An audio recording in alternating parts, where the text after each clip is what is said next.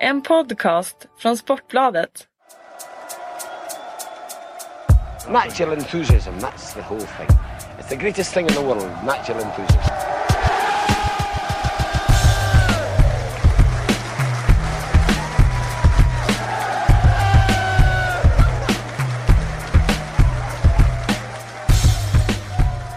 Sådär mina damer och herrar, då var vi tillbaka. Sportbladets Premier League-podd med sitt 55 avsnitt kan ni tänka er. Mitt, äh, mitt, äh, mitt namn är Patrik Syk, med mig har jag Kalle Karlsson och Johan Linderstam. Välkomna hit. Tackar, tackar.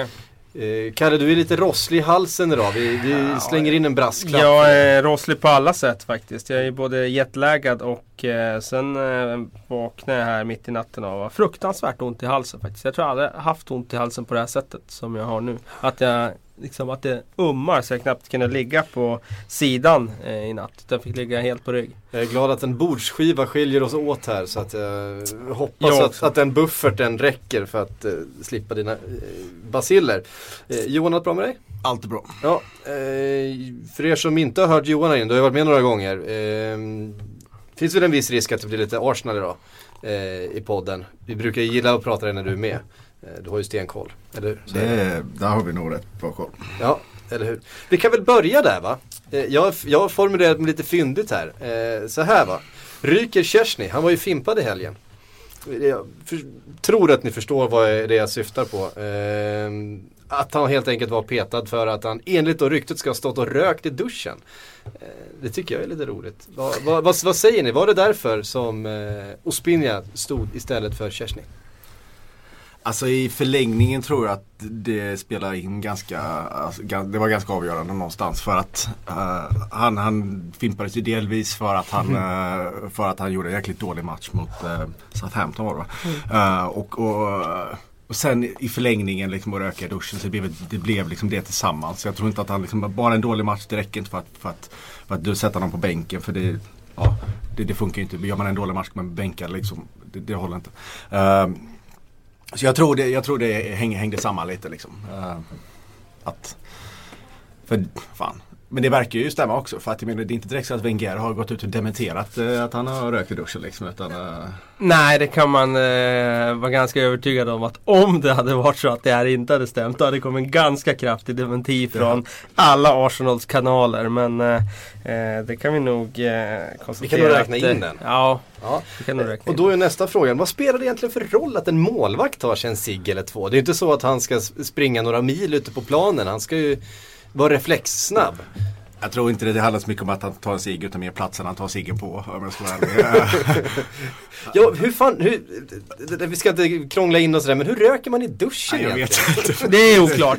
Det kan vi ta en, en enskild podd och reda ut. Ja men det är fan värt en egen podd. Alltså bara själva känslan om det nu är så. Man står där bara, nej jag tar en cigg liksom. Ja, nej, jag vet inte hur de gör i han är, ju, men... han är ju egensinnig. Jag såg ju en sån här hemma hos-grej hos honom liksom. Uh, han är ju liksom en speciell snubbe liksom. Jävligt skön men, men jäkligt egen. Uh... Ja, han, han verkar ha en väldigt speciell så här, plats i gruppen också. Jag minns för Eh, Eh, det var några år sedan nu när de var, det var han och Oxlade Chamberlain och Oxlade Chamberlain hade väl precis flyttats upp från juniorlaget eh, upp i A-laget. Jag vet inte vad det var, någon sån här julkalender eller någonting. Men han konstant kallade honom för the ugly goalkeeper. Han, kall, han sa inte eh, Vorsny eller Kerstin eller någonting utan han sa bara well and this is the ugly goalkeeper. Det var liksom namnet han använde på honom och, och Kerstin tyckte det var jätteroligt och, och de sprang och latchade där. Så jag vet inte, han verkar ju vara lite såhär pajas. Men han är en pajas. Uh, han är omtyckt av gruppen. Alltså, mm. han, han, uh, han underhåller ju och ja. en kul kille liksom. Sen är det ju lite intressant nu då med om den här cigaretten gör att han hamnar i kylan nu. För nu gjorde ju Ospinja en jävligt stabil match. Eh, kanske inte hade jättemycket att göra men han agerar förtroendeingivande ändå. Och eh, i det läget skulle jag bli förvånad om, om de skulle byta tillbaka nu. Med tanke på att Chesney faktiskt eh, vacklade rejält borta mot Southampton. Mm. Hur, hur ratear ni Chesney då? Han har ju liksom, vad är det, hans fjärde säsong nu? Jag tror han gjorde debut keeper. i december 2010, ja, kan det, det stämma? United borta va? Ja, ja, ja. Och gjorde en supermatch. Så ganska prick fyra år då i, i, som första keeper. Alltså, jag tycker han, gjorde, han gjorde en dålig match här men han var otroligt bra mot West Ham eh, borta i, i mellandagarna. Där han liksom ägde luftrummet och var fan ute och hämtade boll liksom i straffområdet linjen liksom högt upp. Kalasmatch liksom. Han, han, han är inte på samma nivå som, som, som de absolut bästa liksom. Men, men han är en jäkligt bra målvakt. Jag tycker det är lite orättvist att bara avfärda honom bara för att han gör en dålig match. Eh, Sen så ska man försöka hålla bort de där dåliga, de där plumparna liksom. Och man ska kanske inte röka i duschen men um, men, men som sagt, han, han, när han är bra så är han väldigt bra. Han, han, är, han har utvecklat liksom delar av sitt spel och han är liksom reaktionssnabb och han är bra i luften. Och, uh, men, men det är som sagt, det gäller att hålla bort de där bottennappen. Men om man säger så här um, Nästan alla målvakter i Premier League har ju en hög högsta nivå. Om man tar även liksom mindre namnkunniga målvakter så har ju de också det. Och det jag inte riktigt har sett av Chesney är att han eh, hittills inte eh, haft en längre period utan de där bottennappen. Jag har inte blivit helt övertygad om att han sprider den här tryggheten till det där försvaret i match efter match efter match över tid. Jag tycker också att han eh, är en otroligt stor målvaktstalang och så men eh, jag blir inte helt övertygad om att han tar det där klivet som jag hade förväntat mig att han skulle göra faktiskt. Så att, ehm, lite tveksam och nu kommer det ju lite rykten sådär om Arsenal och mål, att de kopplar samman med målvakten, med Peter Käck till exempel. Och skulle säga att de skulle värva Peter Käck då, då är jag övertygad om att då kommer Chesney hamna utanför. För att den typen av trygghet och säkerhet och erfarenheten har jag inte. Nej, så är det. Eh, jag måste bara säga att jag tycker att fler ska röka i duschen. Jag, jag tycker det låter som en ganska kul grej. Jag ska prova att röka i duschen någon gång får vi absolut säga. Eh, vi kommer återkomma lite till Arsenal lite längre fram. Det var Kerstin för att det var en, en snackis. En annan snackis är ju eh, Southampton som vägrar ge sig. Vi har ju liksom hela tiden varit så här att Ja men de är uppe nu, andra, tredje plats och där. Det kommer inte hålla hela säsongen. Eh, vi har sett det förut. Vi har sett liksom West Bromwich var uppe högt ganska långt in på säsongen men så eh, fallerade för några säsonger sedan var de uppe på en fjärde, femte plats och där efter en... Eh, ja till november i alla fall. Ja men en 12-13 omgångar någonting. Mm. Men Southampton vägrar vika ner sig. Otroligt viktiga tre poäng eh, mot Manchester United i helgen vi måste räkna in dem i den här spurten som det nu kommer bli om de där fyra Champions League-platserna. Det, det vore eh, ogint av oss att göra någonting annat, eller vad känner ni? Men de är ju, de, de är ju bra på riktigt och det visar de går liksom och, och vinner borta mot United eh, som, som har varit i väldigt bra form på sistone och framförallt så släpper de inte till United. De, de skapar inte någonting. Liksom. De, de, de vinner inte på grund av flyt utan de, de vinner på grund av taktisk briljans och för att de utnyttjar tillfällena när de får dem och för att de är jäkligt bra. Liksom. De får det här läget, de sätter, de gör 1-0, liksom, sen stänger de igen butiken och fortsätter hålla det tätt. Och, och det är inte första matchen. Uh, när Arsenal slog dem 1-0 hemma liksom, det var ju mål på 89 minuten. Liksom, de var skitbra då också. Uh, när, när de slog i Arsenal med 2-0 här nu liksom, nyligen. Uh, var, det klart bättre laget. Uh, och har varit det mot alla, mot alla motstånd i ligan skulle jag vilja säga. Liksom, mot de bra lagen, mot de dåliga lagen liksom, så har de en spelidé som funkar. Och spelare, de har ju avbytare på bänken också liksom, så, som kan komma in och göra det jäkligt bra. Det är jävligt spännande lag alltså. Mm. Och Koman alltså, han hur länge kan han, kan de hålla kvar i honom? Det, det ryktas ju till Ja, Barcelona till pratas det om till, till och med. Barcelona, ja. Mm. ja. Jag har ju svårt att se riktigt att um, att Barcelonas publiken skulle ta emot uh, hans filosofi kanske med öppna armar. Med tanke på att den uh, han har anammat nu i Southampton är ju rätt defensiv mm. rent uh, vad han lägger fokus på. Men Ja, skulle de vara uppe och kriga om fjärdeplatsen och till och med snå åt sig fjärdeplatsen då tror jag det blir väldigt svårt att hålla kvar honom. För det finns så många klubbar ute i Europa som är eh, ute efter en tränare som är på väg uppåt och som är het. Och... För det måste vi lägga till. Southampton hade en väldigt bra säsong förra säsongen med den klubbens eh, mått mätt. Man tappade sin bästa spelare från förra säsongen, Adam Lallana. Eh, kanske sin näst bästa spelare, Jay Rodriguez, har varit skadad sen i, i våras. Man tappade succétränaren Pochettino. Man tappade för, eh, Luke Shaw. Luke Shaw, man eh, tappade... Callum Chambers. ja, exakt. Man tappade Ricky De Lambert. Ricky Lambert, Dejan Lovren. Ja. Eh, ja, det, det... Och vad gör en ännu bättre säsong? Jag menar alla de som har lämnat ligger ju bakom dem i tabellen ja, nu. Mm. Det, det, är en rolig statistik faktiskt. Ja.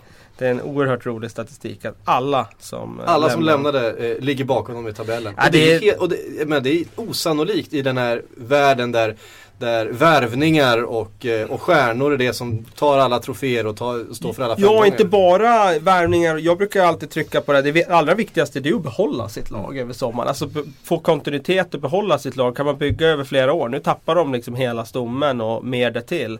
Och äh, det, är, det är nog alltså, häpnadsväckande utveckling. Om man ser till att början av sommaren när de börjar försvinna där så var det ju faktiskt folk som sa att eh, Southampton kommer åka ur. Eh, sen gjorde Ja, de ju vi har bra. varit inne på det också. Eh, Alltså i slutet där, eh, i Sillypodden inte minst, när alla spelare i stort sett i Southampton bara ryktades bort och de, de försvann en efter en. Eh, då var vi inne på och sa att nej, men det, var, det kommer bli svårt för Southampton att, att, att hävda sig med att man ska spela ihop ett helt lag på det här sättet som de faktiskt gjort. Men de har ju kört från början. Ja. När vi skickade ligabibeln till tryckeri, jag tror det var kanske den 7-8 augusti någon gång liksom, så hade de ju knappt något lag. Eh, Då Nej. gjorde vi ju grejen, då gjorde, skrev om den grejen och sen gick det ju fort där liksom. Ja. Men att de lyckades på så kort, för att jag menar det var ju inte så att han byggde laget under sommaren utan sista sekunden. Men det, och, Ja det hände nog på den här veckan för jag kommer Ja. att jag skrev inför premiären Då tyckte jag ändå att läget hade förbättrats och då skrev jag att de kommer absolut inte åka ur utan ja, mittenlag eller under halvan liksom där, och, där vi- kommer de definitivt En viktig att kugge är att de fick, att de fick behålla Schneiderlin. Det var oerhört viktigt och det, det, det avgjordes ju Och det just var ju den den veckan spelaren då. de satte ner foten på också. Ja. Han var ju väldigt nära Arsenal. Och, Tottenham, Tottenham, Tottenham, Tot- framförallt. Tottenham var det, förlåt. Mm. även om jag gärna hade sett honom i Arsenal Ja. just nu.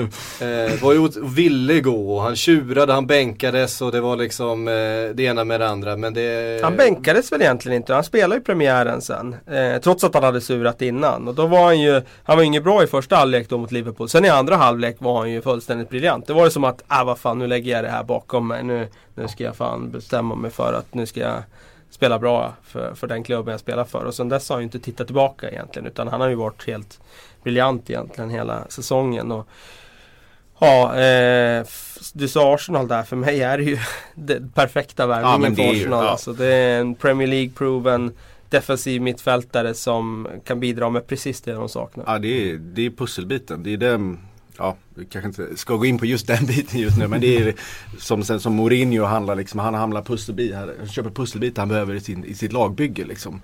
Wenger känns ibland som att han köper spelare han tycker om. Ja, Liksom, så är det ju. Han tycker gärna om offensiva Ja, mittfältare. väldigt mycket offensiva mittfältare eller, eller yttrar och sånt där liksom. Och, och Schneiderlin känns ju som, vet den här killen som, fan okej vad kostar han? 200 miljoner, 250, 300 miljoner. Fan köp honom. För att det, den de, dimensionen han skulle ge ett sånt lag som Arsenal liksom. Och, och då menar då skulle de ju ha en första elva som på fullt allvar skulle, alltså kunna konkurrera på, ja. på största Ja, allvar med, med, med alla lag i ligan. Um, Det är det som är lite intressant också. Jag, jag vet att jag skrev om det här om dagen just med att är man beredd från Arsenals sida då att värdera just den här pusselbiten som alla är överens om att det är den de behöver, det är den de aldrig har lagt pengar på. Ja men kan man värdera den så att man lägger mer än vad kanske marknadsvärdet är. Men för att det är så pass viktigt för just oss att få in den här. För oss är han värd de här pengarna. Jag är inte så säker på att de är det utan det kommer bli det där att eh, det kommer trissas upp en budgivning och sen eh, finns det risk för att Arsenal inte är den klubben som har lagt mest pengar. Jag hävdar ju att i det här fallet så, så ska de lägga mest pengar. Oavsett om, om budet kanske, den här budgivningen drar iväg lite. Mm. Det är ju det där med dåliga affärer och, och, och övervärdering. Det, är, det gör ont i Arsens själ när en spelare går för mer pengar än vad han egentligen eh, är värd då på en Schneiderlin var ju faktiskt på marknad. väg till Arsenal som 16-åring men han valde ju att stanna kvar i Strasbourg och gå, gå klart skolan. Så att eh, de hade kunnat fått honom väldigt billigt en gång i tiden. Mhm. Det var på den tiden som Wenger hade järnkoll på varenda fransk spelare som ägde ett par fotbollsskor. Ja, Men- har han men- inte fortfarande det? apropå Ja, nu har ju i alla fall konkurrens från andra. Ja. Nu är det ju klubbar som Newcastle och sådana som ändå har eh, konkurrerat på den marknaden. Apropå Southampton där. eh, de har ju sin fantastiska akademi men också deras scouting. Alltså vad har de för scouting där? För jag menar de spelarna de köpte in på kort tid. Som alla bara kom in och passar perfekt och har liksom gjort det skitbra hela säsongen. De måste ha någon... Alltså jag kommer ihåg att, att en Tadic, en Pelle, det, det är ju succéer. Eh, Och där får man ändå ge credit till Koman för han har ju järnkoll på dem från holländska ligan. Så där tror jag faktiskt att eh, när det gäller scoutingen att han ha, hade liksom stor del i just de två värvningarna. Men eh, sen är det ju andra värvningar som också har varit väldigt bra som, eh, som eh, man absolut kan lyfta fram deras scouting. De har varit tidigt ute också, plockat in Elger och Elja. Eh, Ja. gamle målskytt, eller målkungen från holländska ligan va? Vann han inte skytteligan där något, någon säsong för en par tre år han sedan? det? det? Han gjorde, en hel, han gjorde en jäkla massa mål i alla fall vill jag minnas. Eh, ryktades då till en massa storklubbar och då, då var det väl Arsenal bland annat och Liverpool och Manchester United och sådär. Hamnade då i Portugal. Sen dess har väl karriären gått lite Så i blev det stå. Tyskland va? Werder Bremen eller vad blev det? Ja det var det något sånt va? Jag eh, har väl aldrig riktigt sådär blivit övertygad av att han, eh, om honom. Nej. Det, vi får väl se. Koman kanske har eh, bättre koll än vad vi har på vad, vad hans kvaliteter kan bidra till det här Southampton.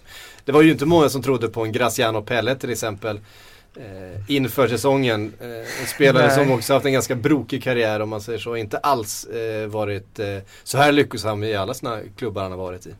Eh, men det, med rätt tränare så kan eh, vissa spelare Alltså till och med ett, alltså, ett frågetecken om Alderfereld också. Jag tycker inte han gjorde det så himla bra i VM om jag ska vara ärlig.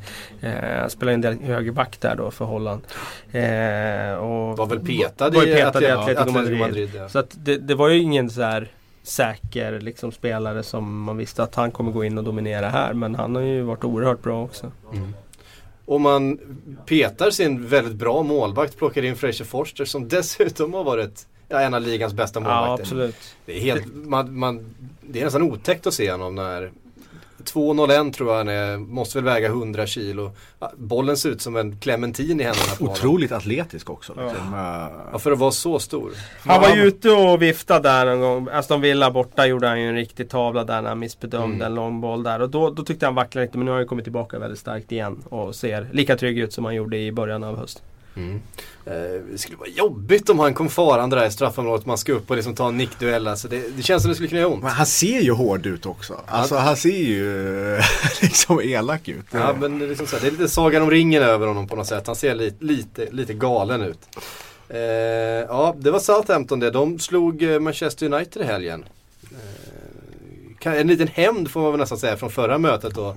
Eh, där Southampton förlorade väldigt orättvist kan man tycka den gången. Dominerade spelet men Manchester United eh, tog alla tre poängen. Nu fick man sin revansch, 1-0. Eh, var det rättvist? United hade noll skott på mål. Ja, Det speglar väl kanske inte matchbilden riktigt. Jag tyckte Nej, United skapade en del ändå. Det men- gjorde de ju. Matta hade ju tre riktigt vassa chanser där i andra halvlek till och med. Och United styrde ju spelet i första halvlek. Men eh, de var fullösa och alltså, är man det så då tycker jag då får man skylla sig själv. Mm. Louis van Gaal, alltså noll poäng bättre än David Moyes vid samma tidpunkt. Alltså efter 21 matcher. 37 poäng låg de båda två på. Eh, han petade Falcao inför den matchen. Man ska komma ihåg det där att det är Jag många... tror att Falcao, var inte han, eh, hans eh, fru eh, födde väl deras andra barn tror jag. Ja, var det det som var Ja, jag anledningen? tror det. Det har jag missat. Det har jag också missat. Ja. Eh, hur som helst så är det väl ganska oklart om Falcao har någon framtid i Manchester United. Eh, Ja det, det tror jag verkligen för att det, det kommer kosta avsevärt mer än vad det smakar. Eh, nu har ju inte varit helt skadefri heller och det var ju det man befarade med tanke på att han hade sin knäskada. Eh, allvarlig knäskada. Han är inte jätteung heller.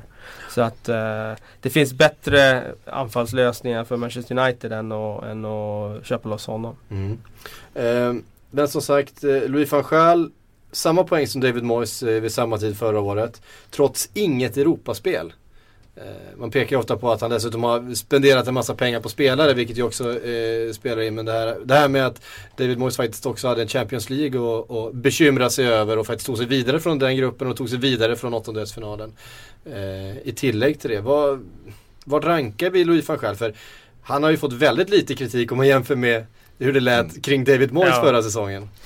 Ju. Men det känns som att folk inte vågar kritisera honom på samma sätt med tanke på hans eh, CV liksom och vad han har gjort och sånt där. Men jag, alltså, han har ju inte bara gjort succé i alla klubbar liksom. Han, Bayern München liksom gick det inte så jäkla bra. Tot- Första året gick det bra. Sen Första året och sen gick det ganska snabbt ut för liksom.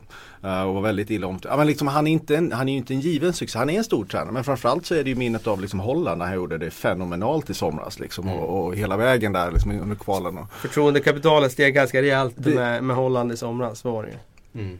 Och sen har han ju sin svansföring liksom som liksom han, han, Ja, det är- Oavsett vad så, så går han ju rätt rakryggad genom korridorerna får man misstänka liksom. Eh, Ja, det är bra självförtroende på honom. Eh, det får man ändå lov att säga.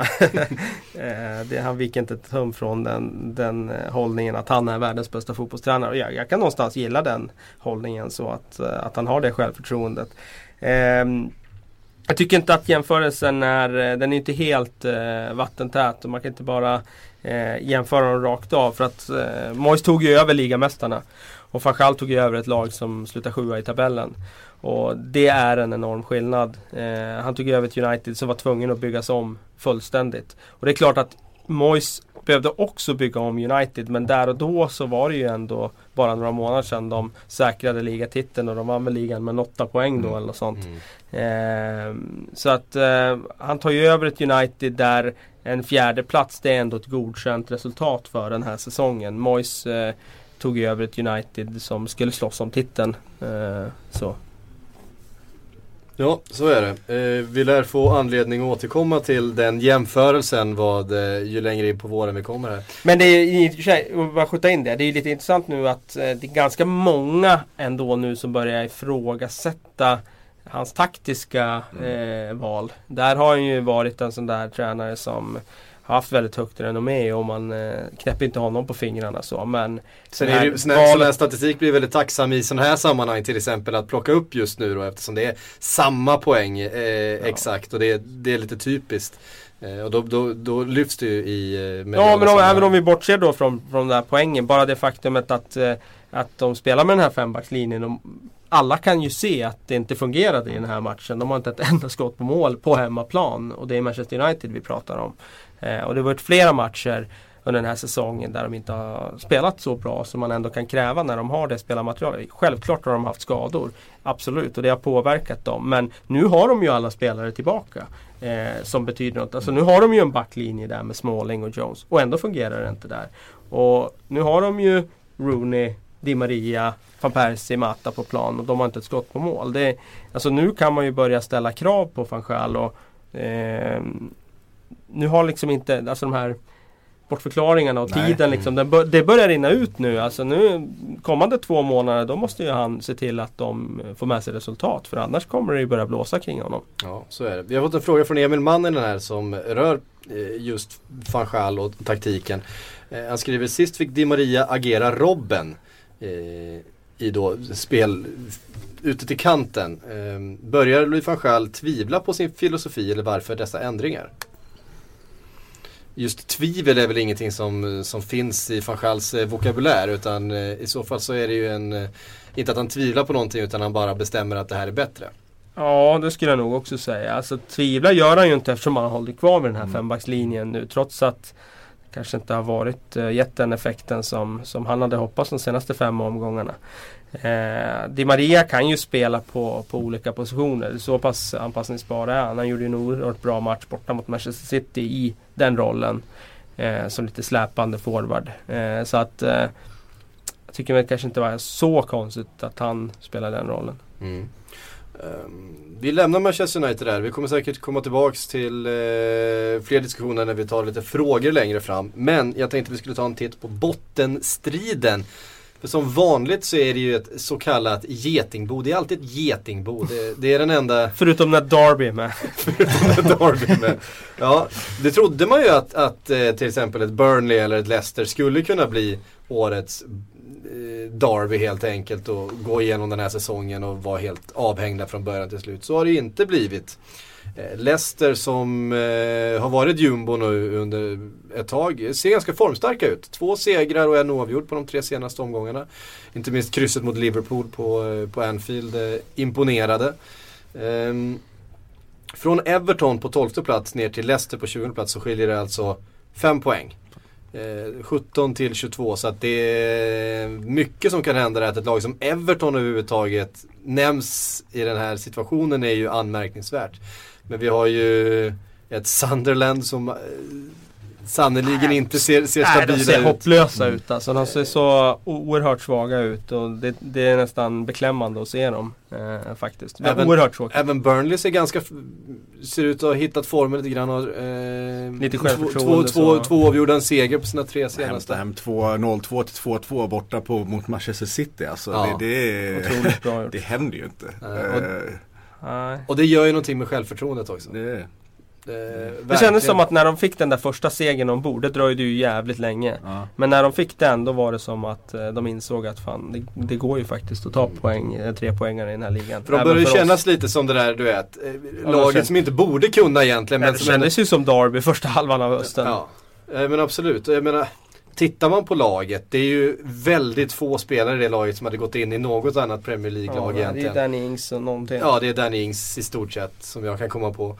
Ehm, men eh, ja, det är väl inte, de känns inte alls eh, som det sämsta laget just nu. Om man skulle tippa vilka tre som åker ut nu så hade ni haft med dem. QPR ser också otroligt bleka ut, inte minst på bortaplan. De Borta håller väl på att slå någon sorts hopplösa. rekord i bortaförluster den här säsongen. Har de tio raka eller vad är det? Ja, något sånt är det nog. Och har dessutom, tror jag, i stort sett hela bot bottenstriden på bortaplan nu under, eh, under våren. Så de har ett jäkligt tufft schema. Eh, Det säger väl också någonting om att de har haft den övre halvan på borta, bortaplan den här första halvan av eh, säsongen. Eh, bidrar ju förstås till deras dåliga bortastatistik. Jag trodde inte riktigt, eh, jag trodde lite mer på Leicester faktiskt i början. De spelade ju ganska bra också just i början av säsongen. Mm. Och inte bara att de tog poäng utan att de spelade. Då var det liksom, speciellt på hemmaplan förstås som nykomlingar ofta Och de gör. gjorde ju den där supermatchen mot United där de vann med 5-3. Ja. Där de vände och vann. Och det, då fick de ju en jäkla boost av den. Och folk som tänkte att det här, det här kommer ju bli en sån där Mm. nykomling som vi har sett de senaste åren. Som ändå hävdar sig och Mm. kanske slutar i mitten. Men eh, får ändå säga, alltså credit, Nigel Pearson satt ju riktigt löst där Ja. ett tag. De har ändå hållit kvar vid honom. Och eh, ja, hittills då, eller just här och nu så har ju förtroendet lönat sig. Mm. Ehm, Aston Villa tänkte jag att vi skulle titta lite närmare på också. De är också på väg mot någon slags eh, rekord som man kanske inte vill ha. 11, 11 gjorda mål på 21 eh, omgångar. Det, jag, det vi kan säga att det lägsta som någon någonsin har haft i Premier League det är då Derby den där säsongen 07-08. Då gjorde de 20 mål den säsongen. Det innebär att Aston Villa måste öka sitt målsnitt för att inte för, för att Sämre inte, än Derby. Ja, Derby hade inte Benteke i truppen heller. Liksom. Nej, det hade de inte. verkligen inte. Eh, Det är ganska många i dagens Aston Villa som Darby nog önskar att de hade i sin trupp den säsongen. Ja, det är ju det är riktigt, riktigt dålig, en riktigt dålig siffra för Paul Lambert. Alltså, han har ju under den här tiden i Aston Villa aldrig lyckats övertyga publiken på Villa Park om att han har en, alltså kan bygga ett offensivt lag. De har ju varit ett kontring- kontringsbaserat lag och det har väl gett eh, vissa perioder av eh, hopp när Agbolahor, Weimann, Benteke har varit i bra form. Då har det varit mycket speed framåt. Benteke hade ju en otrolig säsong där när han ensam bar den där offensiven. Men eh, nu känns de oerhört tunna. Eh, Ja, det är minuspsyke. Det är minuspsyke i Birmingham just nu. Det kan man ganska lugnt påstå. kan ju Fabian Delf försvinna också. Det är ju rykten om honom nu. Hans kontrakt går ut i sommar. Eh, Precis. Ron Flars kontrakt går väl också ut i sommar. Eh, kommer säkert... Eh, sista två veckorna här ju kommer inga- inte alltså det- intensifieras jakten på honom. Om man säger så här, det är ändå det är kvalitetsspelare. Mm. Eh, och det, det är ju obegripligt hur de, hur de kan ha så svårt att göra mål. Nu visste de Flair kanske ingen eh, supermålskytt men jag menar Benteke. För en och en halv säsong sedan så var han ju en av de hetaste anfallarna som skulle gå till alla stora klubbar eh, för massa pengar. Han, var ju, han petade Lukaku i, i eh, landslag och så vidare. Eh, vad har hänt egentligen? Jag kan säga, alltså 11 mål, vi kan jämföra det med det, det näst sämsta i alla de professionella divisionerna i England är 18. Ja. De är sju mål bakom. Det näst sämsta, jag tror att det är väl eh, Blackpool eller något annat lag som går riktigt dåligt. Nu, nu får fansen anledning att sjunga den där ramsan som vi gillar så mycket. Let's pretend we score a goal. Exakt, det har de gjort förut. Ja, Eh, fantastiskt roligt. Alla börjar jubla. ja. Oerhört bra alltså. ja. ja, det älskar mig. Men vad ska de göra då? Alltså, ska de värva? Ska de sparka på Lambert? De förlängde ju med Paul Lambert i höstas när de inledde ligan så bra. Och de låg väldigt topp liksom efter två omgångar eller om det var tre omgångar och låg topp tre eller vad det var. Eh, och, så att det blir nog dyrt att göra det nu. Eh, det är ju en klubb som eh, har en identitetskris i och med att ägaren då, Randy Lerner vill sälja. Mm. Och det är ingen som vill köpa den. Och det har väl velat göra ganska länge. Liksom... Ja, alltså det, tiden börjar eh, rinna iväg nu för honom om han ska liksom fortsätta gå i den här liksom väntans tider på att få ett bud på den där klubben. Så att eh, under den tiden så kommer ju inte Paul Lambert få de resurserna som han kanske vill ha eh, och som han behöver. Och, Men det, och tittar det man då behövs på det, absolut värvningar. Det är inget och tittar man det. då på det kapitalet som finns i form av spelare så kommer Blar inte kosta mycket pengar med tanke på att hans kontrakt går ut. Delfs kontrakt går ut. Man får inte tillbaks de pengarna som om man hade sålt honom i somras eller för... Det är ju Benteke som skulle kunna, Ja. men där, man kan ju inte släppa honom. Alltså, det man skulle kan ju inte släppa fel. Benteke när, Nej. när det är målskyttet som är den Nej absolut precis, stora. det vore ju helt fel ändå att börja i. Så att, eh, nej, de har ett svårt läge. Men alltså, om inte det blir någon slags uppryckning i vår då ser det ju absolut som att Paul Lambert i sommar borde, eh, hans plats borde övervägas. Riskerar de att eh, trilla ner tror ni? Ja det gör de, men det, gör, det tycker jag att alla de där lagen som du räknar upp där på den där under halvan där Där eh, inte Everton, de kommer inte åka men alla andra lag där På, är det plats eh, Inte West Bromwich. 14 och neråt? aldrig West Bromwich. Inte Nej, med, de har ju Pulis. förbättrat sina chanser avsevärt med Tony Pulis, så är det ju. Men eh, jag skulle nog ändå säga att eh, det finns en liten risk. Lite risk. Ja, det, alltså truppen har de ju för att åka ur. Ja. Men Lambert kommer dit för att ta dem liksom till en ny nivå eller som tar dem upp ett Mm. steg. Liksom. Och det har väl snarare blivit slagit totalt bakut. Liksom. Att de eh, sen han kom liksom, har fått kämpa och som du säger liksom, ifrågasatt egentligen hela tiden. Bortsett kanske efter några matcher i början av säsongen. Um, Han fick ju lite credit efter första säsongen där för då gjorde han ju som generationsväxling. Då spelade de med unga spelare. Då klarade de ändå kontraktet till slut. Och han var ju oerhört pressad där under hela det året. Men eftersom de ändå redde ut det till slut med det här unga laget som de hade då. Så fick han ju lite credit. Och sen eh, nu har han ju liksom hamnat i någon slags eh, eh, ja, limbo liksom. Det, det, händer, det blir varken hackat eller malet. Det, går inte, det är ett steg framåt och ett och ett halvt steg bakåt. Och sen är det ett och ett halvt steg framåt och två steg bakåt. Och sen är det två steg framåt inom en väldigt kort period och sen är det ett steg bakåt igen.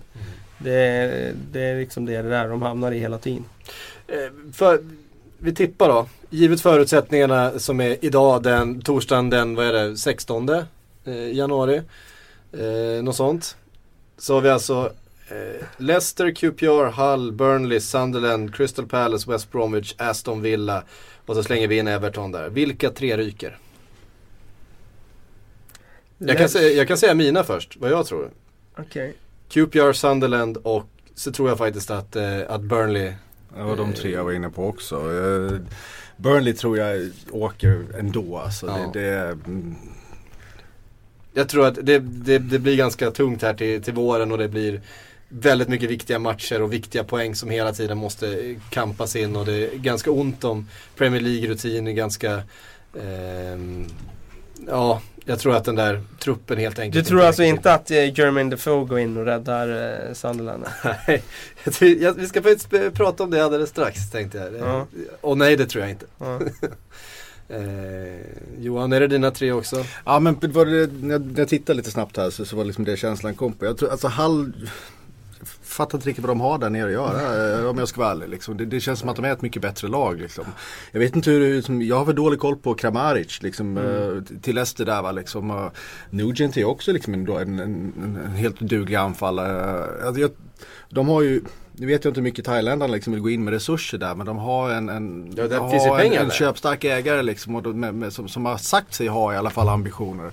Eh, och, och det var ju, det visar här när de köpte Kramaric liksom, framför Chelsea av alla. Liksom, och, och, ehm, så så jag, jag tror någonstans att de liksom kan grinda sig till det där. Däremot så här QPR liksom, det, det eh, alltså vad heter? Alltså det, det är ju, vad heter mittbacken som kom från Tottenham va? Så, som, Steven Corker? Steven äh, Corker liksom. Det är, liksom, det är någon bra spelare liksom. Men annars är det liksom rätt eh, Ja, Ja, Joey Barton räddar inga kontrakt eh, 2015, det tror jag inte. det är nog lite för sent för det. Ja, eh, och inte Rio Ferdinand heller. Han har ju Ja, inte han varit bra alltså. Han, han har inte varit bra den här Han har gått säsongen. ut för det. Ja, Alltså. jag, jag, jag håller med, QPR ser, ser så uh, vilsna ut. Det känns inte som det finns någon tydlig, tydlig idé i, hur, i vad de ska göra. Och, eh, Bobby Samora liksom Nej. Ändå är, det ju- är de ju som bäst när Bobby Zamora är på plan. För då kan de spela Ja. ganska enkelt och rakt och lyfta upp bollen på honom. Och han kan skapa problem för många lag.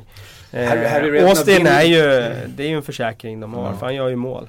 Eh, och det som kan rädda dem det är ju att de har eh, en tight, härlig hemmapublik bakom Mm. sig. Som lyfter dem eh, verkligen när de spelar på, på Loftus.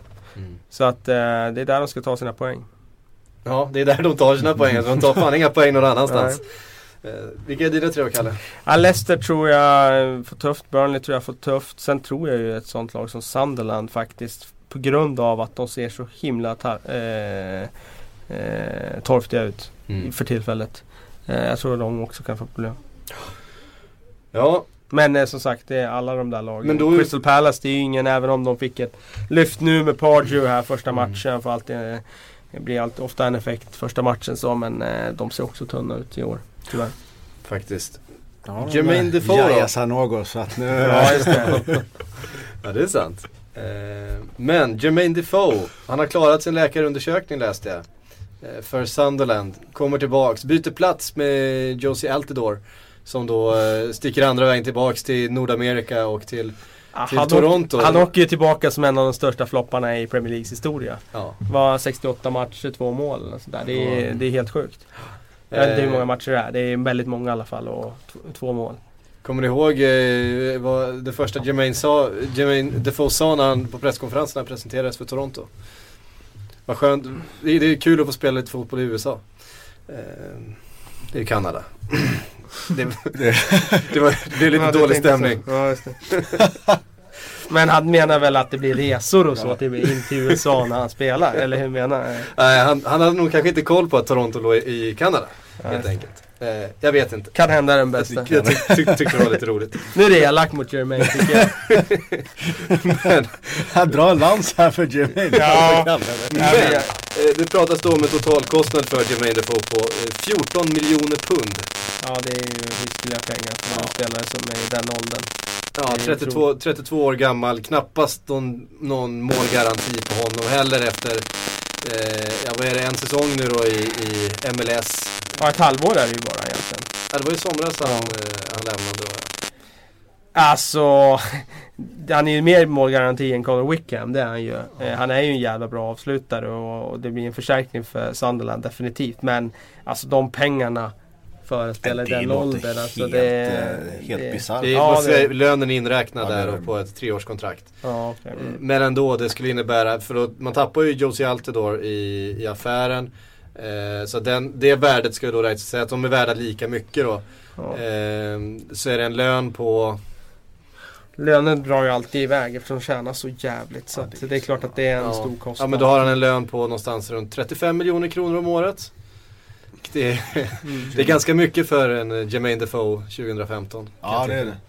Jag tyckte väl han var lite så här felbehandlad i, i Tottenham här på slutet liksom. För jag tyckte han är som en Han levererade ju med, med faktiskt en liksom. Soldado och company som gjorde det skitdåligt liksom. Att han, han, alltså, han har ju en, hade i alla fall liksom en liten fox in the box liksom. Ja, så han, han drog till den liksom. Så här Han tyckte läge- själv att han blev väldigt felbehandlad också. Eh, ja, men jag kan någonstans sympatisera med, med, med den åsikten. Och det är givetvis väldigt subjektivt från hans sida. Men, men, eh, men nu har det ju gått ett tag här. Liksom. Det, det, nu tänker jag något år tillbaka, några år tillbaka i tiden. Liksom. Jag vet inte hur gammal är han nu? Är han? 82 år kan han vara 82. det. alltså, han fyller 33. 33 liksom. Och just en spelare som liksom lever lite på liksom instinkt och, och, och fart och sånt där. Det, eh, Ja, ja, det blir intressant att se. det blir jäkligt intressant att se. Det, Ja, Men det är också sådär, jag menar som Jermaine Defoe, visst han är en väldigt bra avslutare nu men Sunderlands problem det är att de har inte tillräckligt mycket kreativitet i sitt lag för att skapa chanser för de offensiva spelarna. Alltså, Nej, det alltså, finns ju inte. I fjol- hade de ändå Key som ändå var Ja. en eh, som kunde sy ihop ett passningsspel. Men nu, i och för sig har ju Seb Larsson varit bra i vissa matcher verkligen. Och Lee Cattermole städar på ett bra sätt. Men det saknas men ju i alla de, fall. de, alltså. de två tillsammans, det, det är inte jättemycket finess alltså. Det är ju inte det. Man kan tycka att Cattermole har gjort det bra, Larsson har gjort det bra. Men jämför med andra lags centrala mittfält. Då landar man ändå vid att ja, nej, Det då har de andra lagen bättre ändå. Minst, det minst som- kreativa centrallinjer, det får man säga. Ja, det är det ju. Det, det, det, jag menar Adam Johnson, visst han blixtrar till i ett par matcher där han är bra. Men han har ju inte hållit någon eh, kontinuerlig form. Eh, Jackerini har ju inte alls eh, liksom, gjort några avtryck den här säsongen. Det är, det är för mycket bredd i det där laget, för lite kvalitet Mm. tyvärr alltså. Mm. Tråkigt för det är en Ja, det eh, ser jag. genuin klubb och det är en eh, häftig arena och alltid bra stämning där. Mm. Eh, och inte minst eh, derby som man alltid ser fram emot varje år mot, eh, mot Newcastle. Så är det. det, det är ju synd om, om ligan tappar det men som sagt. Det ser, de, man ska komma ihåg att förra säsongen så eh, kom de ju undan med mord när de höll sig, höll sig kvar. Alltså det, är- jag vet inte, alltså de där matcherna de slog Chelsea och allt möjligt där på våren för att Slog väl alla stora drakar där Ja. kändes det som. Och Conor Wicken var i, Någon sorts i, i trans. Ja. Ja. Så att eh, de lever ju på lite lånad tid nästan Ja, kan man säga den här säsongen. Eh, och först, in, förstärkte inte nämnvärt i somras heller utan det var ungefär samma material. Ja, det är ju Rodwell som var den tunga värvningen i somras. Och han, Tappade Colback som ju så, så var det. har varit väldigt bra i Du Newcastle. har gått för Rodwell alltså. Det är liksom skadad som vanligt Ja. ib- ibland och eh, tyvärr är han ju skadebenägen så man får ju räkna med när man köper honom att det är lite som att köpa en Jovetic. Så att han kommer inte spela alla matcher. Eh, men han har, nej tyvärr. Han har inte... Det är en kurva som har pekat ganska, en- ganska spikrakt neråt de senaste säsongerna. Ja. Så, Mm. väldigt synd. Dåligt karriärval att gå till Manchester City i hans fall. Ja, mycket.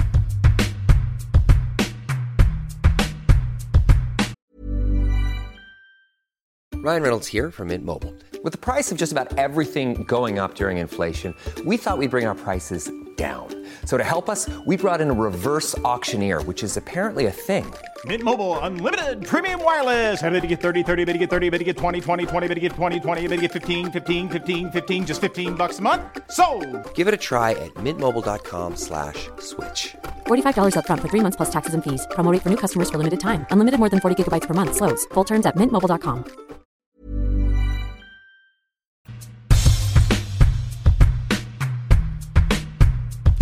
Eh, hörni, vi ska ta lite eh, lyssnarfrågor också.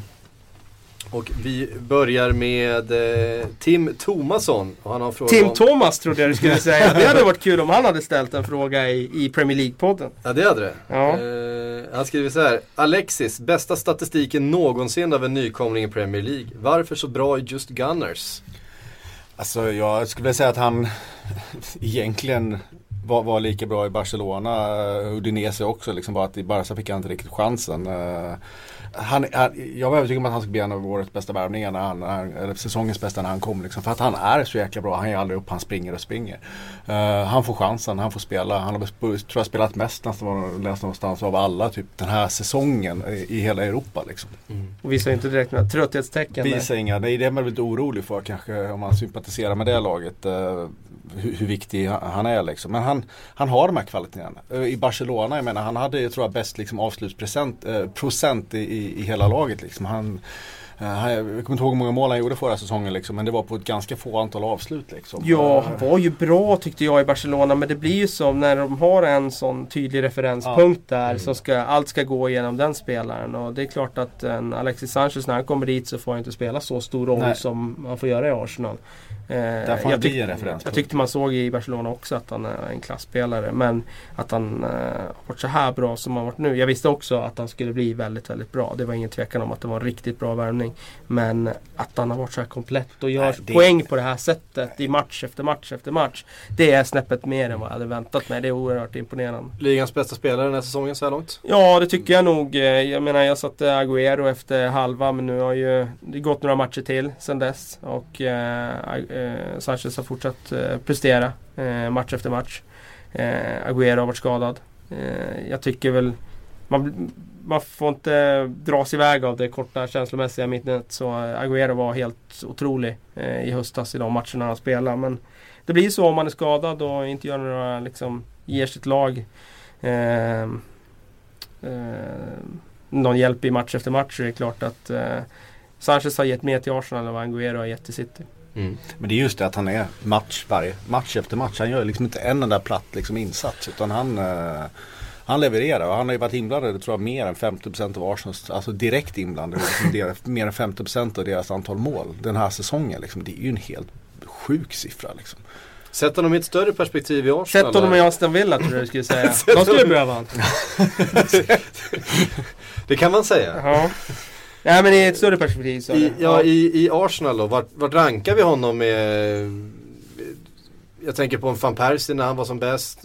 Thierry Henry. Alltså han, Ja, han, alltså, måste, han måste ju börja räknas med en av de absolut bästa spelarna i Arsenal de senaste decennierna.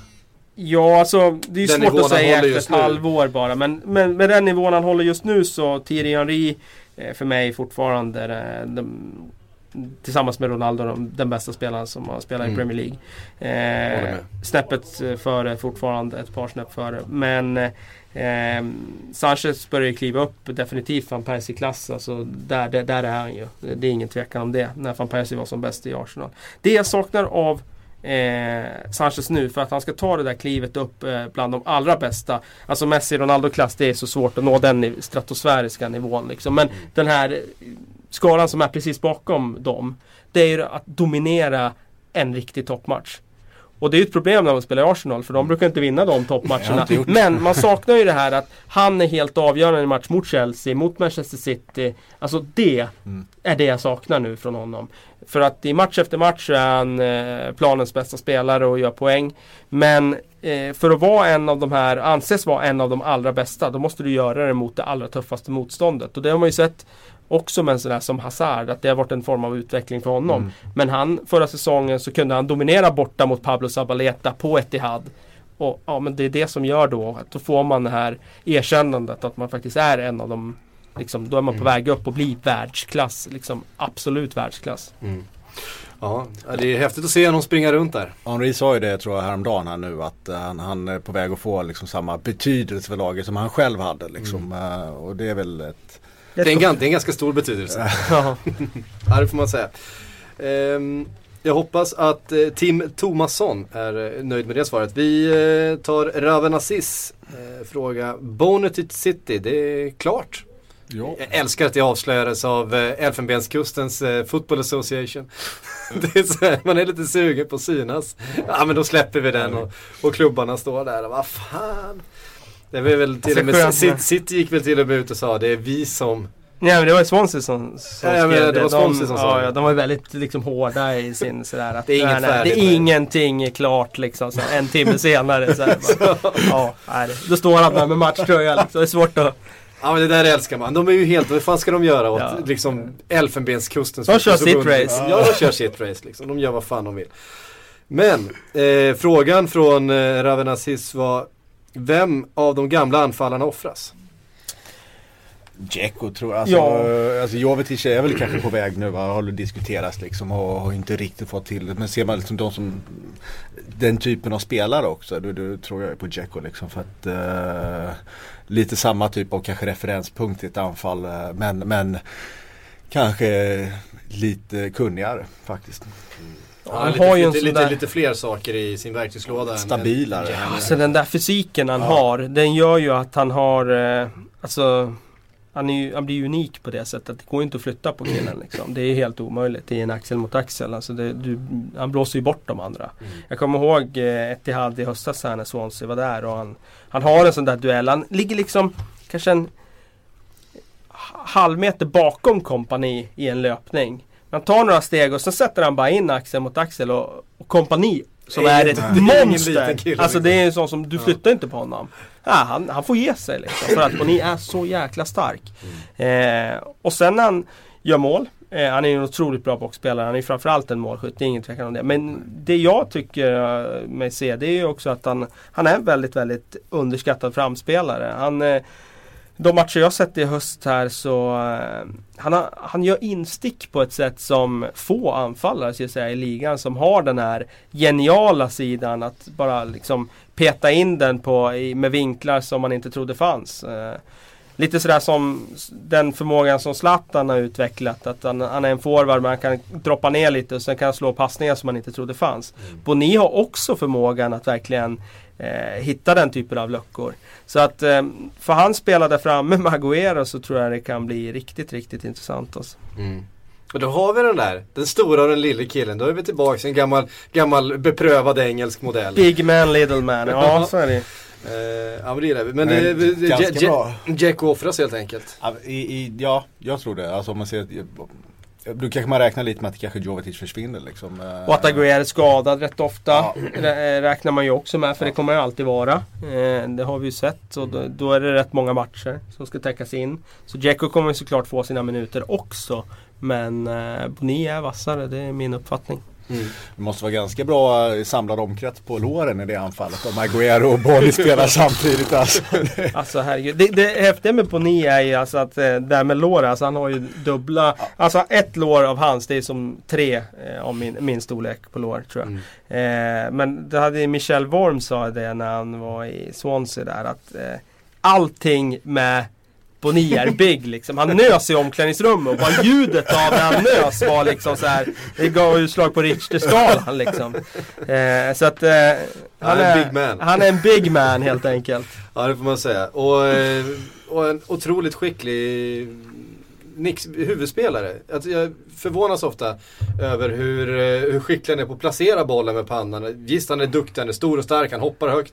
Tar Enorm spänst. En liksom superspänst och han, han vinner ju alltid de där. Men att han är så skicklig på att han hela tiden vet vilken, vilket hörn han ska lägga den i. Om han ska gå i första, han ska gå i andra. Eh, jag tycker det är en... Eh, för många säger liksom att då tappar de Djekos eh, styrka med huvudet. Men jag är inte säker på att Nej, gör det. för det gör de absolut är en, inte. Är Det- en motsvarande Han är en av de alltså, bättre han är riktigt, anfallarna. riktigt bra. så. Mm. Kan jag också säga stånga in dem från så här, eh, 17 meter ibland. Att han verkligen får, kan skjuta med pannan. Liksom. Det kommer ett ganska löst inlägg som man kan sätta fart på själv nästan med, med pannan. Det kräver ju lite nackmuskler. Eh, nej, honom gillar vi. Det ska bli intressant att se. Eh, Gustav Edefors har frågat, eh, vem blir ny tränare i Newcastle? Tim Sherwood kanske? Jag, jag lägger till Remy Gardé, eller Gard har det pratats Remy om. Gard, också. ja. Mm. Det är väl den det pratats mest om va? Ja. Han det pratat mest om. Ehm, jag har lite dålig koll på det men jag ska vara helt ärlig. liksom. Ja, det har Tim inte hänt- Det är, ju ju, det är ju den där andra tränaren där som jag glömmer bort. John Carver. Ja precis. Det var väl eh, Mourinho som hade gått ut och sagt att Carver borde få Ja det är det, är enkelt för han att säga. Liksom, han behöver inte bry sig om kon- konsekvenserna. Liksom. eh, bo, borde få chansen. Ja. Ja, de gjorde ju en eh, lovande insats måste man ju säga här under John Carver. Det är lite synd om man då att han, de gör en så pass bra match på Stamford Bridge. De får ingenting med sig. Och då blir det lite bortglömt. Alltså om fyra veckor är det ingen som kommer ihåg. var ju helt jävla Ja den var ju fantastiskt alltså. bra. Och, men tyvärr är det ingen som kommer komma ihåg det när det står i historieböckerna att Chelsea vann en komfortabel 2-0 seger liksom. Den var inte så komfortabel men eh, ja, det står ändå 2-0 där. Ehm, Där känns det också som det viktigaste är att hålla i några av de här spelarna som liksom Sissoko till exempel. ja så är för det ju. spelare, för Så tränare det som ju. kommer in att, att försöka lösa och Jag är behålla inte det så här. säker på Remy Gard. Jag tyckte eh, han, alltså, han såg väldigt intressant ut när han var i Lyon där och de byggde nytt och Alas eh, drog i svångremmen. De fick inte värva lika stort längre och han satsade på unga spelare och de gjorde väldigt, väldigt bra. Eh, men om Newcastle nu skulle ta en fransk tränare då går de ju tillbaka lite till det här franska liksom, spåret. Och det som har varit eh, eh, kul med dem i år är ju att de har liksom styrt tillbaka på det brittiska spåret och gett eh, egna produkter chansen och så vidare. Så att eh, av den anledningen så är man väl här, lite skeptisk i alla fall till att, eh, att ta en Remy Gard. Sen som tränare så tror jag absolut att han är tillräckligt kompetent. Så. Sherwood är ju, ja, det är ju chansning, det kan ju bli vad som helst. Ja, liksom. Alltså han har ju inte direkt övertygat med sin taktiska briljans.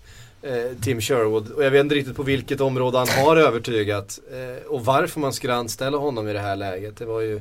Ja, han, han hade väl bra statistik Ja, men i, i Tottenham. Exakt, han, det är det han lyfter fram själv i alla fall. Ja, Kolla här vilken statistik jag har. Liksom, jag är så här bra. Uh, men, men i övrigt så finns det väl uh, rätt mycket frågetecken kring en sån kille. Liksom. Alltså eh, Tottenhams spel var ju bedrövligt under, under Tim Sherwood stundtals. Alltså det var helt idel. Men det är totalt taktiklöst. Liksom. Ja. Det, det, men det är väl lite en inriktning på klubben, vilken väg de ska ta. Som jag säger, liksom, uh, ja, ska de fortsätta på det spåret eller ska de ta ett annat spår? Liksom? Det, det är lite framtiden. Var, var, var ska Newcastle landa? Det får vi veta snart. Ja. ehm, Luis Antonio har frågat Finns det inga klubbar som ligger över Aston Villa som skulle må bra av en Benteke? Jo. Ja, och det finns det ju. Men, eh, Framförallt ligger det ganska många klubbar över Aston Villa. men sen ska de ju ha pengarna och, och värva honom för. Mm. Eh, ska se vilka som ligger. Ja, ett... Eh, Man tänker Alltså- sig Everton eller? Ja, Swansea till exempel nu då när det Ja. blir en lucka ledig där. Mm. Eh, Ja, han, skulle, han skulle kliva re- eh, ganska precis rakt in på den platsen. De är inte helt olika varandra i, eh, i spel, speltypen. Stora, Ja. stora, starka, målfarliga. Nej, annars Sen är det frågan om hur målfarlig Benteke är nu för tiden. Han har ju inte Nej, haft precis. en super, supersäsong. nej, och han var inte superbra förra säsongen heller. Eh, ska man faktiskt erkänna. Nej, han var skadad då. Han var skadad stora Fick ingen delar, men, kontinuitet. men, men när han spelade så så såg det ofta lite trögt ut. ja, han hade ju en tung, Mm. alltså riktigt tung period förra säsongen. Klassisk nytändning där. Ja, precis. Nej men det är inte så många klubbar ovanför Aston Villa. Everton behöver ju inte honom för Lukaku det går ju på ett ut. Ja. Stoke tycker jag inte heller behöver honom. Det tycker jag inte. Alltså de har Jag tycker de har hittat byggt ett nytt anfall nu med skön- Diouf och, ja, och de här lirarna. och Bojan. Ja precis. Nu spelar ju han som tia i och för sig då. Så man skulle kunna tänka sig Benteke framför. Mm. Men ja, nej jag är inte helt övertygad. Newcastle behöver ju inte heller riktigt. De behöver en forward absolut. Men när Perez har varit så bra så är inte det behovet lika stort längre. Så att eh, Blir Cissé kvar eller hur? hur? Papissic försvinner väl va? Ja, det har osäker. fall. Ja men det var väl snack om Swansea där va? Jaha. Ja det var det, det, det var, det var Ja, okej. ja. För att ersätta. För annars är det ju. Swansea kanske som man, som man tänker på där. Ja. Liksom, eh, jag menar, Sen högre upp då är det ingen som nej, behöver honom. menar, West Ham ju Carroll liksom. De behöver- Liverpool. Valencia och Sakoa som Ja, Liverpool kanske? Ja, men det hade ju varit hetare när Benteke var het förut. Mm. Snarare än nu. Alltså det är klart att Liverpool skulle kunna värva honom. Men sen har du ju han Origi. Mm. Alltså, Mm, han kommer på väg in nu. ja på väg in nu. Mm. Alltså, ja jag vet inte. Eh, om, ja det kanske... Ja, dissa Ricky Lambert och köpa Benteke. Det är klart att det är en uppgradering. Mm. Men eh, det ko- kommer kosta. Ja, så är det ju. Och det är vad man betalar då för att ha en, en backup striker Ja. egentligen till eh, Daniel Sturridge. Blir, man pratade som en Benteke, hade vi suttit här och pratat Benteke, han var i superform liksom, han gjorde 19 mål här året var liksom. Då, då, är det, alltså, då hade man kunnat hitta en jävla massa klubbar där som hade haft Ja, då vill ju alla ha honom liksom. Ja, ja, ja. Då var han ju väldigt, väldigt nära att lämna också. Och då var det ju snack om Arsenal vill Ja, jag minnas. mm, För då ville ju de ha en riktigt tung, stark forward. Var det i samma veva som Giroud kom in? Det var väl även inte efter det tror jag Ja, också. det alltså, var ja. Att, eh, Han fyller den funktionen. Ja annars. det kan man säga, men han, Benteke blev ja, li- lite samma, men han var också lite snabbare. Ja, lite mer han har ju mer djupledsspel Ja. än vad Giroud har. Giroud är ju är ganska ju in, statisk. inte alltså. snabb är han inte. Nej det är han inte. Det, Vad säger du, du som eh, följer Arsenal oerhört noggrant eh, om en sån som Danny Welbeck nu när vi gör liksom halvtids eh, summering? En, en eh, väldigt bra värvning skulle jag vilja säga. Eh, han har ju fortfarande mer att ge. Det har han absolut. Och han har, behöver framförallt eh, Han behöver göra de målen han gör i landslaget. För där har han visat så här striker-tendenser liksom. Och, eh, under, under hösten här liksom. Och, och har varit en bra avslutare. Han missar för mycket fortfarande liksom i, eh, i Arsenal. Men mot, mot West Ham där, där visar han borta. Eh, eh, när han tar bollen på egen planhalva och springer liksom halvcirkeln runt hela försvaret och springer förbi alla och kommer in liksom. Och, och sen tyvärr avslutar för torftigt liksom. Eh, Men jag, jag tycker att han han tillför någonting. Men han, han ska han, Så det är lite, inte Giroud och och Welbeck helst utan det är lite Giroud eller Welbeck liksom och det är lite vilket motstånd man har. Ja. Eh, För han blir alltså nu med de här offensiva kanonerna, när Cazorla har varit bra nu också. Eh, han petar ju inte nu. nej. Eh, Sanchez är ju den första spelaren du skriver upp på laguppställningen. Cazorla öser på väg tillbaka. Mm. Giroud som eh, fyller en funktion där framme. Det finns ingen given plats för Welbeck. Nej det finns det eh, inte. Så i elvan. Eh, det känns som att han, han blir en rotationsspelare i Arsenal också. Ja, men lite, lite, men jag är ändå lite, ja det stämmer faktiskt. Men det, liksom, där har du liksom, typ, vilk- vilket motstånd har du, vilket, vilket, Ja, vilket, vilket spel vill du ha. Ska vi spela Giroud eller ska vi spela Welbeck? För de är ju två väldigt olika typer Mm. av, av, av anfallare. Eh, det var, det var som när han fick göra mål mot West Ham där, liksom, han gjorde ett riktigt strikermål och, och liksom höll sig fram och, och, och liksom eh, han behöver nog få lite sådana, jag, jag tror att han har, jag tror att han har rätt mycket mer att ge. Mm, jag tror, jag tror jag tror att Ehm, jag tror väldigt mycket på Welbeck liksom. Eh, han verkar vara en väldigt omtyckt karaktär både liksom på planen och vid sidan av planen liksom. Ehm, och, och, Nej, det är inga skandaler där inte. nej, inte än så länge. Fotbollen så. Kanske hittar honom i rökrutan med Wilshire och Chesney snart. Men det är så här, inte förstöra den där bringan och börja röka. Han tar ju alltid av sig tröjan Ja, efter matchen. Han är, han är den spelaren som först tar av sig tröjan efter matcherna när de går av plan där. Går han och flexar sina triceps. Men det är, här, det är ju också så här med Giroud. eh, vissa matcher kan man ju bara, du vet här, ja, man kan ju svära sönder sig liksom. Har frustration för att liksom han, han är fullständigt. Sen så blir han liksom uh, skadad eller avstängd någon match liksom. Och, och sen så kommer man tillbaka så inser man fan man har saknat honom. Ja, så vet, så är det, där, så är det. eh, eh, du får den här liksom mottag, alltså targetanfallaren liksom. Som, för han kan verkligen, och det är ju med det anfallet som du har där. Du har mycket rörelse liksom, på alla håll och kanter och du kan spela till honom. Han är ju väldigt bra liksom Alltså skarvspelare liksom och kunna sätta upp sina medspelare. Han är väldigt spelintelligent. eh, Verkligen. Framförallt när han är felvänd. Ja exakt, eh, exakt. Det, det, är att kunna verkligen skicka ut till både höger och vänster liksom. Och, sen, eh, och det behövs i vissa matcher liksom. Eh, Patrik Broström undrar, kan Liverpool vara med och kriga om en tredje fjärde plats? Eh, han slänger in en extra fråga med en ny målvakt på G. Det kan de ju absolut Mm. göra. Det är ju inga av de där lagen som ser eh, liksom så övertygande Oslagbara ut. Nej, inte på något sätt. Och nu är det ju så 15 3 Det är klart att Liverpool kan springa om dem. Nu är det ju många klubbar som är med i leken där så att det kommer ju bli tufft. Men jag tror absolut att de kan göra det. De skulle absolut må bra av en ny målvakt och jag är lite förvånad att de kanske inte gick på Victor Valdes där. Det är jättekonstigt. Mm. När han, eh, Ja, jag vet, alltså det har ju kommit väldigt mycket rappor- rapporter om att redan i somras var man i kontakt och man diskuterade och man har haft ganska långa förhandlingar. Eh, Men att han nå- vill ha för hög lön då? eller? Jag vet inte, någonstans så handlar det om ehm, det skulle vara provspel på olika sätt. Jag tror att man har varit ganska osäker på hans fysiska status. efter skada och grejer. liksom. Eh, efter skador och, och eh, ja, men han är ändå 33 nu typ. 83 va? Ja, ja okej, han är 31 då. Jag tror det. Vilket är egentligen ingen målvakt, eller ingen ålder för en målvakt. Eh, men eh, jag tror att det, det, det sket sig lite i de där diskussionerna kring provspel, kring lön antagligen och, och sådär. Sen såg man nog i somras när de förhandlingarna pågick som, som mest eh, Mignolet som sin första målvakt och att Valdes då skulle vara en backup. Det hade man ju inte sagt idag efter den här, eh, det här halvåret som Mignolet haft. 82 82 alltså då fyller han 33 i år. Ehm, ja, det, det har i alla fall eh, pågått väldigt mycket förhandlingar. Som sagt redan i somras med Valdes och de har inte kunnat komma överens. Så att någonting, någonting är de ju uppenbarligen inte på samma, på samma sida kring. Sen är det ju förvånande att man inte, tycker jag, har eh, varit mer aktiva under, under december och försökt förhandla, bör inleda förhandlingar med målvakter.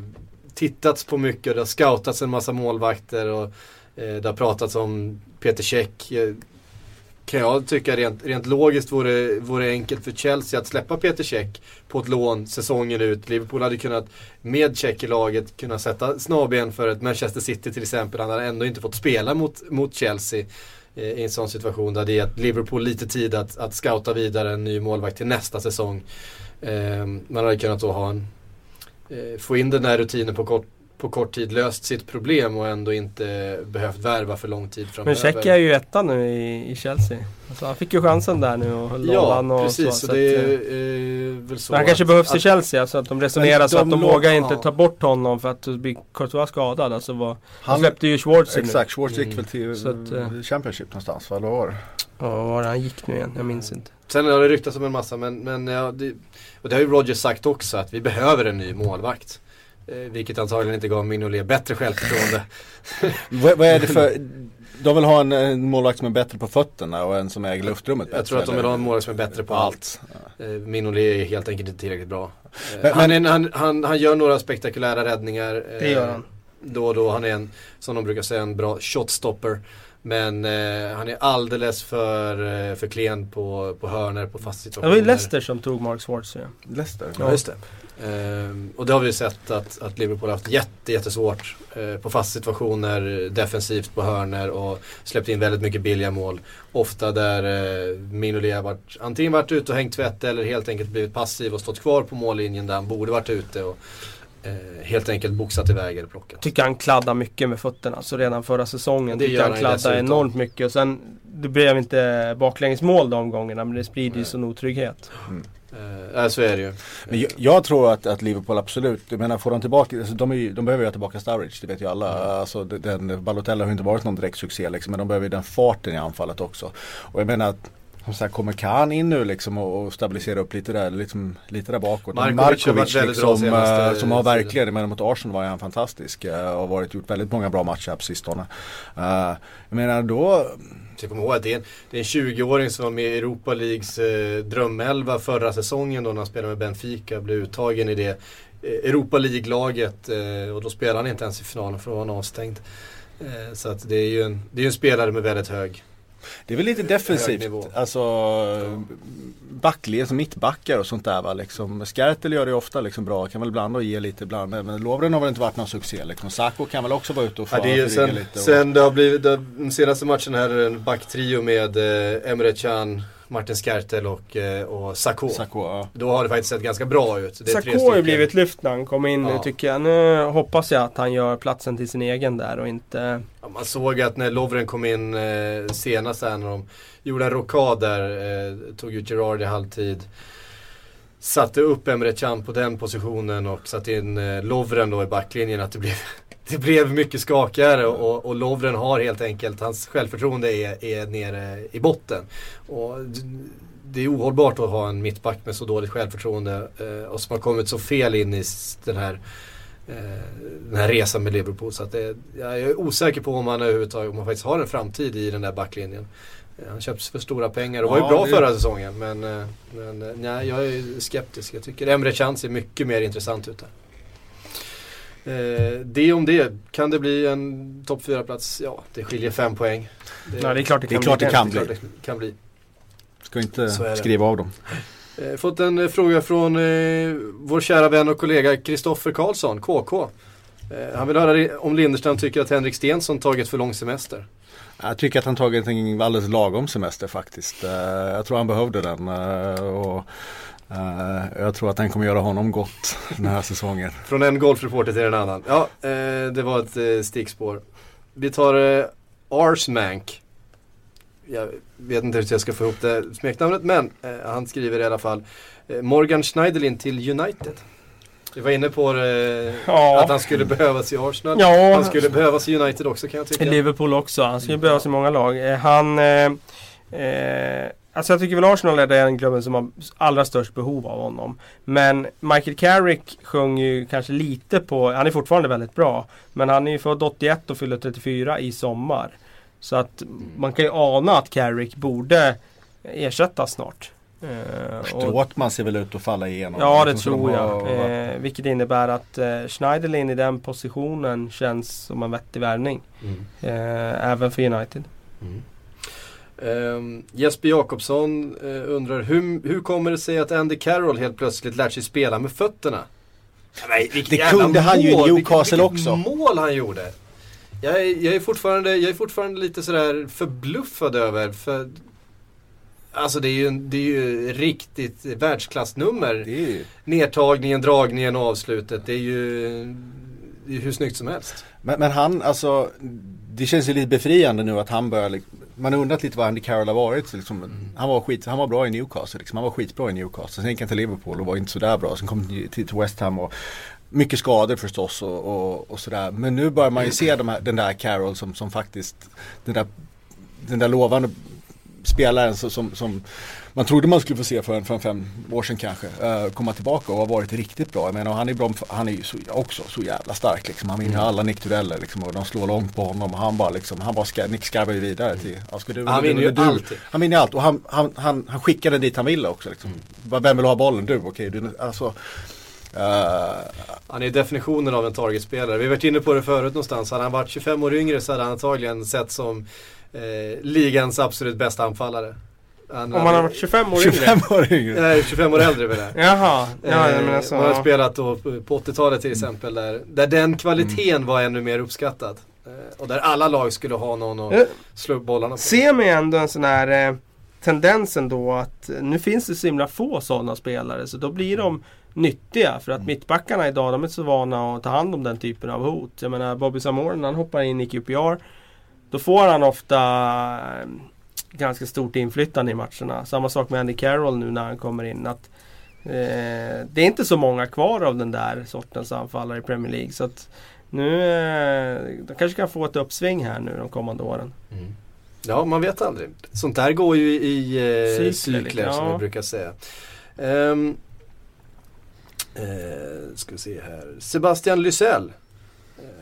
Han vill veta vem vi tycker är Premier Leagues största unsung hero denna höst-vinter. Är det någon som ni tycker har fått eh, för lite uppmärksamhet eh, i förhållande till vad hen förtjänar? Eller han är det ju det handlar om. Den där är svår att ta på, eh, på rak arm eftersom i så fall så hade vi nog eh, sjungit dens lov. Ja, men jag plockar upp, man pratar, vi pratar mycket apropå Schneiderlin här liksom. Jag tycker Wanyama också är en jäkligt bra, Mm. en otroligt bra mittfältare eh, som de gjorde ett jäkla kap när de köpte från Celtic liksom och som eh, de, de kompletterar varandra väldigt bra. Eh, och, men det pratas mycket Schneiderlin men vi borde kanske prata lite mer Wanyama. Ja men det är ett bra namn. Det, det tycker jag Var absolut. inne på Southampton. José Fonte har ju fått Ja. lite cred, absolut. Men eh, han har ju inte fått så mycket cred som han kanske har förtjänat den här säsongen. För han har ju varit en av ligans bästa mittbackar. Mm. Ja, men överhuvudtaget eh, Southampton. Jag tycker man kan lyfta fram någon som Nathaniel Klein också som jag tycker har varit eh, och så Ryan Bertrand har det pratats mycket, ganska mycket om. Eh, var ju ganska ifrågasatt här under säsongen. Många drog ju honom visserligen men eh, tillhör han fortfarande Chelsea? Ja, Han han är, han är utlånad. utlånad fortfarande. Ja. De har ganska bra sparkapital där också. Jag tycker Ja. Ryan Bertrand har varit eh, eh, ja, en av ligans bästa eh, ytterbackar den här Ja. säsongen. Ja, eh, hörrni, klockan eh, springer iväg och eh, vi har faktiskt inte mer tid. Kändes det bra att prata lite Premier League en sån här torsdag? Det gjorde det va? Ja, halsen klarar sig bättre än vad jag trodde faktiskt. Du får åka hem och bädda ner dig och sen ska försöka. ta en sömntablett så att du kommer i fas igen. Ja, jag ska fan göra det. Tack Johan för att du kom. Vi, Tack, tack. Eh, vi hörs snart igen. Eh, ja, vi hörs om en vecka kära lyssnare. Hej!